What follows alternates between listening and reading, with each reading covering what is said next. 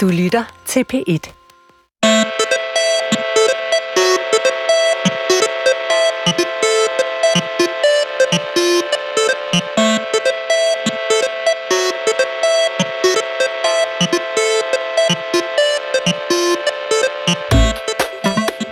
Naturen og byen, pittoreske bjerglandsbyer og elegante blomsteropsatser. Den svenske ekspressionist Isak Grünevalds malerier er en eksplosion af farverigdom og sanselighed, der skildrer det gode liv set fra en synsvinkel som rejsende i samfundshierarkiet. Fra en barndom i underklassen Stockholm til et dekadent voksenliv som en af Skandinaviens mest fætterede kunstnere. Med udstillingen Hoved i rosa lys har Isak Grünevalds malerier nu fundet vej til kunsthallen Gammel Holtegård i Nordsjælland. Men kan Grønevalds skæve vinkler og lyserøde pangfarver tænde en gnist hos den moderne beskuer? Og er hans klasserejse fra jødisk flygtningebarn til flamboyant overklasseløg overhovedet relevant for vores nutidige debat om samfundsklasse? Det spørger anmelderne om i dag. Der er tikket et øh, sygdomsafbud ind i sidste øjeblik, så vi er kun to i studiet. Det er dig, Bente Skavenius, kunsthistoriker, kritiker og forfatter. Velkommen til, og tak fordi du vil være med. Tusind tak. Jeg hedder Mathias Hammer.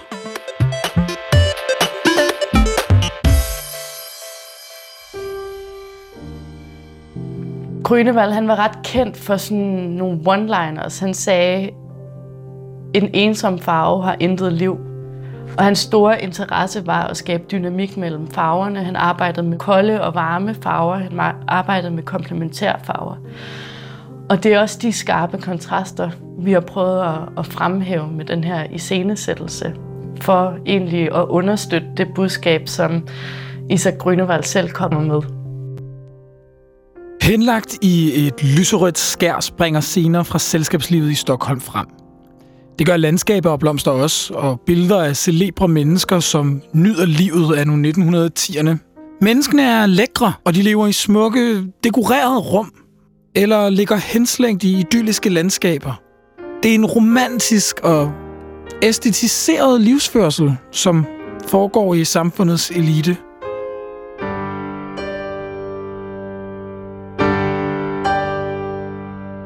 Udstillingen står i skarp kontrast til dens åbningsværk, som er et selvportræt af en ung Grønevald.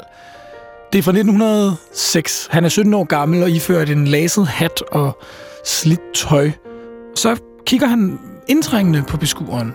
Nærmest som om han siger, jeg skal nok blive stor en dag. Bare vent og se.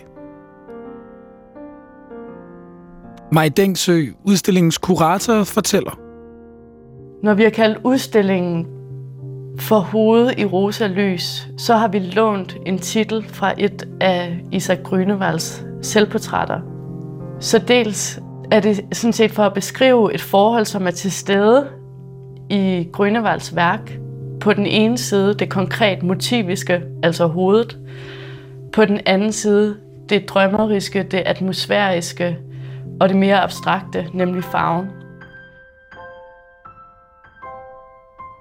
Jeg havde ærligt talt ikke rigtig Isak Grønevalds malerier præsent på lystavlen, men det har jeg heldigvis nu, fordi øh, farverige penselstrøg, nydelsesfulde, let afkodelige motiver er en fryd for øjet.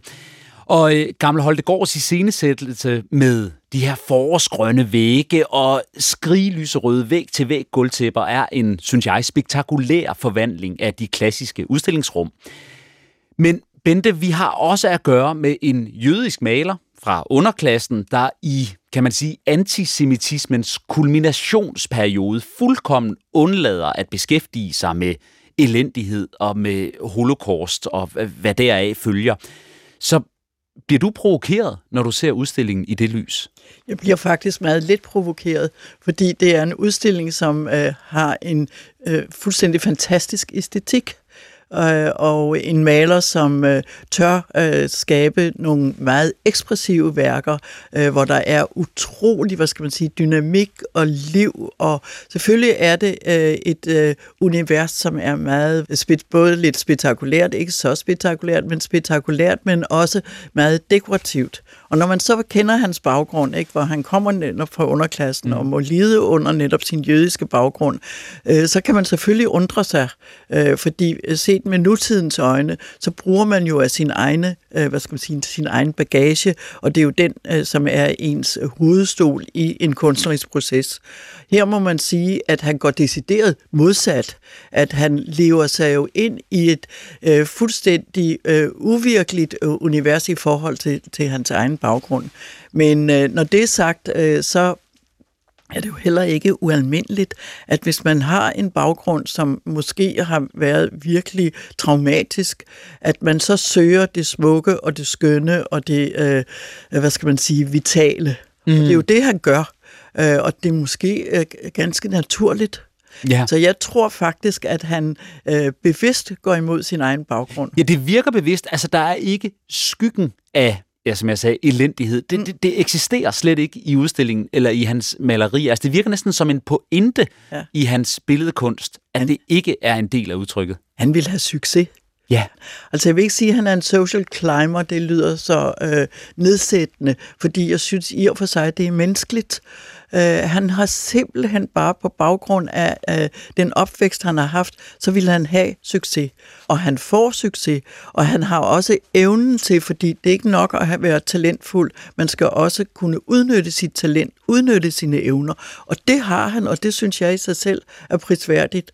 Han søger jo, han søger til Paris, han går på Matisse malerskole, han kommer hjem og er ung med de unge, og han gifter sig godt med mm. Siri øh, Hylten, øh, Hjerten, øh, som øh, også er faktisk en ret kendt maler, og meget yngre og smukkere og alt det der. Han, han stiger virkelig til ja, tops. Ja. Men så lad os lige prøve at få lidt biografisk på plads, fordi nu siger jeg, at jeg kendte ikke rigtig noget mm. til Isak Grønevald inden, inden udstillingen her. Men altså, en svensk født maler, født i 1889. Mm. Han dør i 1946, umiddelbart mm. efter 2. verdenskrig. Mm. Meget tragisk. Ja, han i en, ned med en flyvemaskine. Simpelthen en flyulykke, ja. som, som ja. slår ham ihjel. Ja. ja.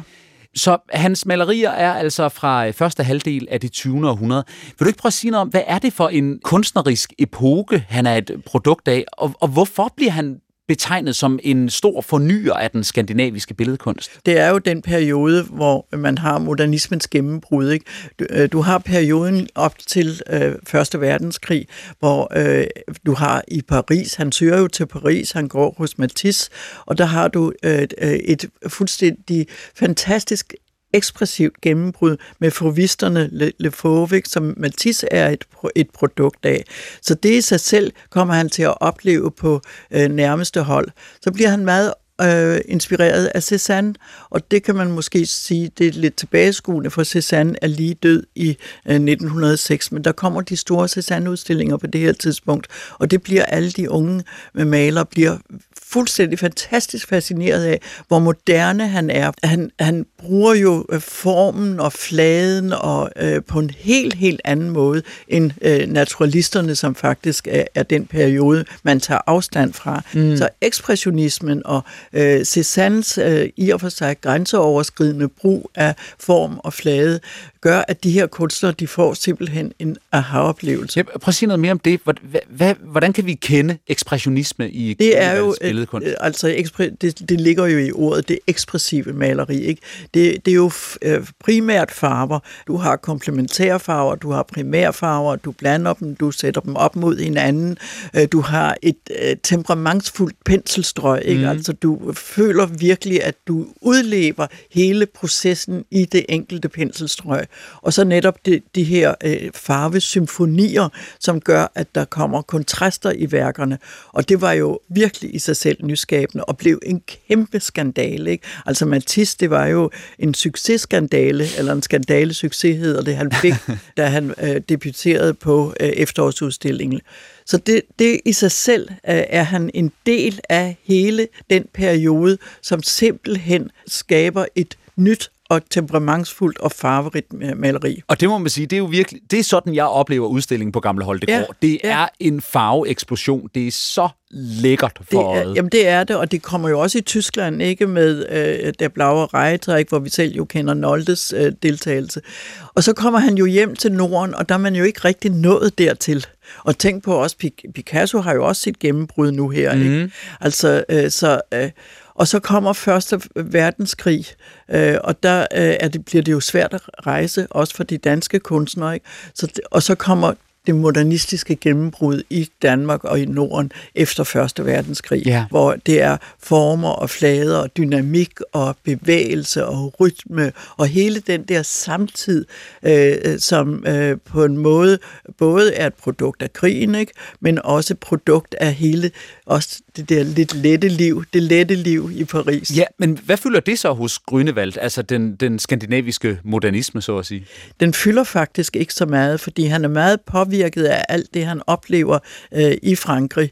Men modernismen i, i Danmark, det er jo Lundstrøm og pakkassebillederne, som jo får deres gennembrud her efter Første Verdenskrig. Og den er langt mere... Øh, hvad skal man sige, skarp og provokerende og grænsesøgende. Ikke? Altså han er på en måde, og det er jo også det, du indleder med at sige, ikke? jamen hvorfor er han så delikat? Mm. Og han søger jo det delikate, øh, han søger simpelthen alt det, som måske også ligger i, at han har været i Paris i de der år. Men vil det sige, at han i virkeligheden er mere en fransk kunstner? Altså, jeg havde lyst til at spørge, er der en særlig skandinavisk ekspressionisme?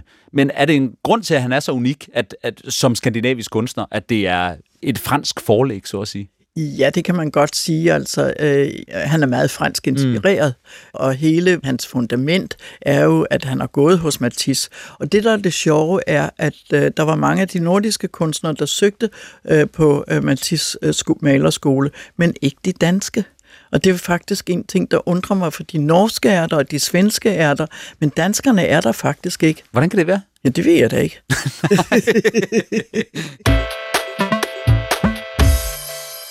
På Gamle Holtegård er der altså en hel kunsthal kun med Grønevalds øh, malerier. Ja, det er Øhm, vidunderligt. Jamen, det, det er så smukt, Ja, altså, øh, ja. Og, og, og rummene er mm. omdannet til sådan et øh, Grønevald øh, totalteater Ja, nærmest, ja. Med, med gulvtæpper og, og vægge. Mm. Men Gammel Holtegård har jo også den størrelse, som Gammel Holtegård nogle gange har. Det er et relativt overskueligt øh, museum, og der er, hvor, hvor mange malerier er der udstillet? 75. Ja, noget i den retning. Ja. Ja. Og vi ved, at han har en enorm produktion, mm. og øh, mm. kan forstå, at altså, i, der er perioder, hvor han maler to mm. malerier mm. om ja, dagen. Ja, han var meget produktiv. Ja, får du mættet din appetit, når du går rundt derop? Det får man jo aldrig. Hvis noget er godt, så vil man have mere, ikke? Ja. altså, sådan er det. Altså, selvfølgelig kan jeg tænke på øh, værker, som ikke er med, øh, fordi udstillingen kommer jo fra, øh, fra Stockholm, hvor den har været på Valdemarsudde. Mm-hmm. Og Valdemarsudde er faktisk et øh, vidunderligt museum. Øh, men det er jo prins Eugens øh, privatbolig, øh, som øh, efter hans død blev testamenteret øh, til øh, Stockholm by. Mm. Og der er jo både prins Eugen selv, som var en fremragende maler, men han er jo lige generationen før. Han er jo mere symbolistisk, og han havde den der nordiske æstetik, øh, som Grønevald måske ikke har. Mm. Og så er der hele Grønevalds egen generation af malere repræsenteret der. Og du har nævnt øh, prins Eugen et par mm. gange. Mm. Vil du ikke lige fortælle, hvad er relationen mellem Isak Grønevald og prins Eugen, og hvem er denne prins Eugen? Prins Eugen er jo øh, kongens bror, og øh, han havde øh, et stort, stort talent, øh, og han repræsenterer den periode øh, i kunsten, som øh, er mere forbundet med, øh, hvis man, jeg skal sige noget, skagensmalerne, men han er også en under tiden meget symbolistisk i sin landskabsopfattelse, og har den der nordiske æstetik, det nordiske lys, landskabet, tusmørket. Øh, så han er generationen før Grønnevald, men han fik utrolig betydning, dels for sin egen generation af kunstnere, og dels for generationen de unge kunstnere. Hans problem var, at han var kongelig selvfølgelig. Mm. Øh, det, det er lige, en gang imellem lige så stort et problem, som at være fra en jødisk baggrund. Så derfor så skulle han jo i hæren øh, og ikke øh, udleve sine øh, kunstneriske ambitioner, men heldigvis går det ham øh, anderledes. Han, ja, han forlader hvis hæren og øh, får et professionelt liv som øh, maler og er også i Paris. Men frem for alt kommer han øh, ikke alene til at øh, udleve sine egne talenter, men han får stor betydning for de unge kunstnere. Og ser altså et stort lys i Grønevald. og ser et stort grønevald, øh, lys i Grønevald. Og så er det jo meget øh, praktisk i og med, at Grønevald gerne vil det. Mm. At han vil simpelthen omgås hele det der øh, miljø i Stockholm, som er toneangivende. Man kommer ikke højere i i Nej. overklassehierarkiet, Nej. end at men- knytte bånd til de, til Og de øh, kongelige. hvis man endelig skal øh, nævne et værk, mm. øh, som Grønvald har udført, så har han faktisk udført et værk af dronning Ingrid, da hun var ganske, ganske ung. Altså den danske Den dronning Ingrid. danske er, og det er et vidunderligt portræt, hvor hun er helt sådan art deco-agtig. Et meget yndigt portræt. Det er svært ikke med på udstillingen, for jeg tror, det hænger på øh, Stockholm Slot. Men det er øh, helt anderledes, end man ville øh, male hende i Danmark. Men udstillingen gør en del ud af, også i formidlingen, at øh, det her det handler om klasse, om klasserejse, altså fra jødisk underklasse op til at være øh, royal ven og, og Ja, royal ja, portrættør. Ja, ja. Mærker man det, hvis ikke man ved det, og hvis ikke man bliver, øh, bliver introduceret til det? Nej, det gør man faktisk ikke. Er det et Øh, problem? Og det er jo, øh, ja, det er ikke et problem for mig. det kan da godt være, det er et problem for andre. Øh, nej, fordi det er jo en del af viljesakten, mm. at han netop ikke vil signalere øh, den baggrund, han kommer fra. Og han, han og øh, Sigrid øh, Hjerten bliver jo øh, simpelthen sådan et mondænt power couple i øh, Stockholm i den periode. Øh, så øh, han er slet ikke spor interesseret i, i sit maleri og signalere øh, den bagage, han ellers har rent mm. socialt. Men hvis vi bliver ved det her klasse, så kan man sige, at øh, klassedebat fylder rigtig meget, altså, særligt mm. i de her år, og måske særligt mm. i øh, litteraturen. Ja. Vi har øh, Glenn Beck og Thomas Korsgaard og, og så videre. Præcis, præcis. Øhm, er der en tradition i, i malerkunsten, og måske i den skandinaviske eller i den danske malerkunst, for at sætte klasse til diskussion og debat? Ja, det synes jeg nok. Altså, mm. øh, nu, nu er det exceptionelt med, øh, med Grønevald. Altså, han, han er ikke en del af en trend. Han er sig selv. Så jeg vil sige, at øh, de vilkår, som der er i samfundet rent socialt, synes jeg nok, at kunstnerne tager op. Og meget ofte tager kunstnerne jo op på et tidspunkt, hvor øh, det ikke alene er dagsaktuelt, men i virkeligheden er noget, man ikke vil erkende i samfundet. Altså, øh, kunstnerne er meget ofte tidligere Ja, ude end med den offentlige ligesom, debat. øh, end den offentlige debat. Og også en, mange gange er det jo også en kunstners drivkraft. Og det, det er jo deres bagage, det er jo det, de lever af, det er jo deres hovedstol, ikke? Mm. Altså, det er det, de skriver på, det er det, de maler på, i det hele taget skaber på, ikke? Og alle skaber på en eller anden form for øh, personlig drivkraft. Mm. Øh, så Og det kan man jo også sige, at her Grønevald gør. er, det gør han også, men her er det jo, fordi han er simpelthen socialt så ambitiøst, ikke? at han simpelthen ikke vedkender sig sin baggrund. Det er meget skægt, at øh, udstillingen ja, med alle de her smukke farver mm. og hele den her overklasseskildring begynder med et maleri. Inden man ser noget som helst ja. andet, går man ligesom ind ad en korridor, og nede for enden hænger et ungdoms Ja, selvportræt. ja, ja. Jeg mener, han er 17 år, det er fra Ja, ja, han er 1906. 17. Han er 17. Og det er det eneste maleri, som er lidt mere dunkelt i sit udtryk. Man ser den her store Ja, teenage-dreng, ja, ja. der sidder sådan en, en lille smule laset i et mørkt jakkesæt, der med en hat, der han, han har brugt sine første sparepenge på at købe, fordi det signalerer en eller anden status. Og så går man rundt om et hjørne, og så springer det her lyserøde og lyseblå, solrige øh, farveunivers ligesom ja, løs. Ja. Men jeg, jeg synes, det er en lille genistreg, at man kommer ind og ser netop det der ungdomsportræt Ja. af, af en fattig jødisk Ja, knægt, ja. der vil noget større. Ja. Og det, der også er interessant, han siger jo selv, at første gang han rejser ud, ikke, øh, så øh, har han jo øh, lånt bukserne af en kollega, og frakken, det er hans fars konfirmationsfrakke. Altså, der vedkender han sig jo et eller andet øh, sted sin fattige baggrund. Og her øh, gør han det jo også, men samtidig, og det er jo det, der er fantastisk, at han ser jo ud mod beskueren, ikke, som, jeg skal nok komme Man kan nærmest se det man i kan hans se blik. på det, at Ja. ja. han skal nok komme op i samfundet, og han skal nok kunne slå igennem. Det er en fantastisk Ja. drivkraft. Ja.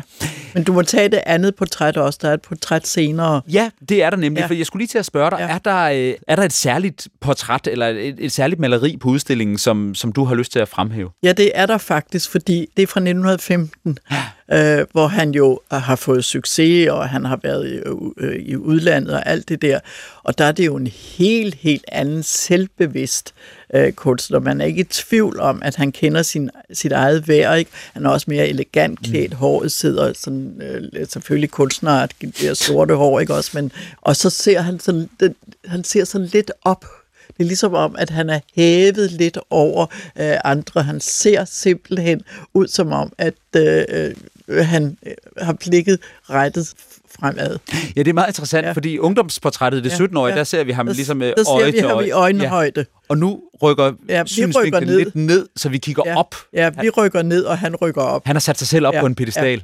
Og, hva- og hvad med farverne? Altså, hvad er det for et I, udtryk? der? igen også, der er det en helt anden farveskala, ikke? hvor vi kommer fra den mørke og den lystre og farens konfirmationsfrakke, og den der øh, hat, ikke? og den øh, sådan lidt øh, gyldenbrune baggrund. Ikke? Her er det lyse farver, der kommer den lyserøde farve jo også mm. ind. Ikke? Så det er en helt, helt anden æstetik, han kører i det i værk. Og det kan man sige, øh, netop den lyserøde farve. Udstillingen hedder Hoved i Ja, rosa lys, ja, ja. som netop er titlen på et selvportræt. Og der er jo et vidunderligt maleri, som er lige når man øh, kommer ind, som er fra, fra Stockholm, hvor man ser sådan en, det, det hedder det grønne træ eller sådan et Mm, mm, andet. mm. Og øh, der har han jo også den lyserøde farve, og så er der en karusel i midten. Man ser ud som om, det er sådan et lidt cirkusagtigt. Og der er sådan en vitalitet i det værd. Altså den der karusel, den øh, snorer nærmest rundt øh, på øh, lærredet, ikke? Øh, og hele den øh, der lyserøde, øh, lysegrønne skala, ikke? Der er så meget øh, vivacitet og liv i det værk. Bente Scavenius, vi skal afrunde anmeldelsen af Grønevald-udstillingen på Gamle Holtegård mm. lige om lidt. Men øh, inden da, så skal vi vende blikket i en anden retning. Vi skal nemlig anbefale hver et øh, kunstværk eller kulturprodukt, noget man kan se, læse, høre, opleve, og som øh, vi hver især synes spiller ind i tematikken om Grønevald, om det skandinaviske i den her periode, og måske øh, klasserejsen her. Jeg har en anbefaling med, men øh, du får lov til at øh, lægge ja. for land. Jeg havde lidt, haft lidt lyst til en film, fordi det er jo også i filmens barndom, det her, og der er en vidunderlig film deroppe, den må jeg nævne, hvor han danser sammen med øh, Sigrid, og det er simpelthen så morsomt. Ja, sådan en kunst, nærmest en kunstfilm, hvor han danser tæt. Og han danser tæt med hende, ikke også? Og de skrider gennem rummet, ikke? Og vender hovederne i den rigtige retning, mm. og der er så meget rytme, og der er så meget musik i det, ikke? Og, og Sigrid er, som du nævnte, Isak Grønevalds første kone, ja. Som også er en berømt Ja, øh, og hun ender med, hun dør før ham, og hun er meget yngre, end han er, øh, og hun ender med at få det hvide snit og alt sådan noget. Det er mm. forfærdeligt, men det er en anden historie. Nå, men jeg har virkelig, virkelig tænkt, og så var jeg øh, nærmest hele litteraturen igennem i den periode, og jeg øh, ringede både til den ene og den anden af mine gode kolleger, øh, og de kunne jo selvfølgelig gå ud i den store verden, og der er meget i den store verden, øh, som signalerer alt det, øh, som øh, er i øh, Grønnevalds øh, maleri, altså med det med klasseskæld og klasseforskel og alt det der. Jeg var hen over Tom Christensen flere gange, men selvfølgelig så øh, endte jeg med ikke at tage ham, indtil jeg ringede til en god øh, ven, som sagde, selvfølgelig er det Tom Christensen, du skal tage. Fordi han var netop i den første periode, der fokuserer man jo så meget på hans drukperiode der mm. i 30'erne, ikke? Og herværk, Som vi kender fra sådan, Hærværk, Som vi ja. alle sammen har læst, ikke? Øh, men hans tidlige digter, sådan fra øh, ja, f- op mod øh, 1920'erne der, øh, har jo for det første noget meget ekspressivt i sig. Man fornemmer øh, den der ekspressivitet. Øh, men som jeg også kan forstå, så var Tom Christensen meget socialt ambitiøs med at omgås de rigtige. Han kommer, han har jo ingen penge selv. Mm. Øh, ganske hvis han lyder det af meget, han er født i London, ikke? Men, øh, men der er altså også en, øh, Der er også en underklasse. også i en London. underklasse i London, I den og grad. faren arbejdede i- på, øh, i dokkerne og sådan noget. Øh, Så han havde også en ambition om at omgås de rigtige, selvfølgelig et mere intellektuelt miljø, det var ikke ligefrem kongelige måske, øh, men øh, et intellektuelt miljø være en del af øh, eliten af øh, det førende øh, kunstliv. Og det var han meget bevidst om, og han var også i sine tidlige år øh, øh, mere elegant klædt, mm. end, end han var de seneste år. Øh, Så hvis man læser de der digte, og de er faktisk smadret gode, øh, nu øh, har jeg lige læst dem, så derfor så øh, kan er jeg stadigvæk ja. huske, øh, hvor gode de var. Jeg havde ikke læst dem før. Tidlige digte af Tom Christensen, anbefalingen fra Bente Scavenius. Jeg bevæger mig ikke så langt øh, derfra, fordi jeg vil også gerne anbefale dansk litteratur. Det her det er en roman, og den er fra cirka samme periode. Jeg synes, man skal læse den store danske roman om ambitionen om klasserejse, nemlig Henrik Pontoppidans hovedværk, Lykkeper. Den var jeg altså også inde over. Men i og med, at han forlader hende, og han, han, det ender jo i en derut, Ja. så fravalgte jeg den. Jeg tænkte også over det, Bente, fordi det, det er jo helt korrekt. Den ender jo faktisk øh, ja. Ja. på nederst øh, på samfundsstigen med Præcis. en meget ulykkelig øh, sorti for, Præcis. for. Lykke-Per. Ja. Den her uregerlige Ja. præstesøn, Ja. Ja. der vil til København og Ja. blive den store ingeniør og øh, lave kanaler i Jylland og kommer ind i den jødiske overklasse og bliver kærester og forlovet. Han, bliver, han er mere voyeur, Ja. end han involverer sig. Ja. Ja. Og Grønevald involverer sig. Det er en god pointe, for det er jo det, Lykke Per i høj grad er, og derfor, ja. måske er det også derfor, det aldrig går godt, fordi ja. han aldrig øh, helhjertet tager del Præcis, i den præcis. samfundselite, ja. som han, selvom han er en del af det, Ja. betragter Ja. udefra. Ja. Men ikke desto mindre, det er en fremragende roman. Det er en hovedværk, et hovedværk i dansk litteratur, og jeg synes, den er læseværdig som meget lidt andet. Så hermed Tom Christensen og Henrik Pontoppidan. Det er der da lidt format Men over. frem for alt Isak Grønevald. frem for Alisa Grønevald, for ham skal vi nemlig lige vende tilbage ja. til, og hovedet i rosa lys på Gammel Holtegård. Jeg kan næsten fornemme, øh, hvor du øh, vil hen med en afslutningsreplik. Er Isa Grønevald udstillingen et besøg værd? Om den er. den er. Det er en vidunderlig udstilling. Man skal simpelthen skynde sig derud. Og nu hvor det er forår og alt er lysegrønt, mm. så passer han jo ind i foråret. Men så lad mig spørge på en anden måde. Har udstillingen, har Grønevalds kunst særlig appel til moderne mennesker anno 2023? Ja, hvorfor ikke? Fordi øh, alt det, han repræsenterer, er jo i virkeligheden alt det, man øh, øh, gerne på en eller anden måde vil opleve. Altså, øh, livet har jo mange facetter, mm. og den facet vil vi også gerne have med. Jeg er meget enig. Jeg synes, at udstillingen er et øh, sansebombardement ja. af velformidlet, malerisk, charmerende skønhed. Jeg er meget begejstret for at have lært Isak Grønevalds univers at kende, og jeg må sige, at jeg synes, det bliver enormt smukt formidlet på Gammel Holtegård. Og så kan man øh, diskutere, om øh, hans tilgang til at være klasserejsende er sympatisk eller ej, men øh, ja, man kan måske sige, at jeg synes, han er en bedre repræsentant for, øh, for drømmen om succes, end som repræsentant for den klasserejsende. Og hermed så er vi øh, nået til vejs ende. Tak til dig, Bente Scavenius, for at du vil være med som min øh, gæst alene i dag. Det har været en fornøjelse. Det har også været en stor fornøjelse for mig. I redaktionen var det Gustav Hagil. Jeg hedder Mathias Sammer på Genhør.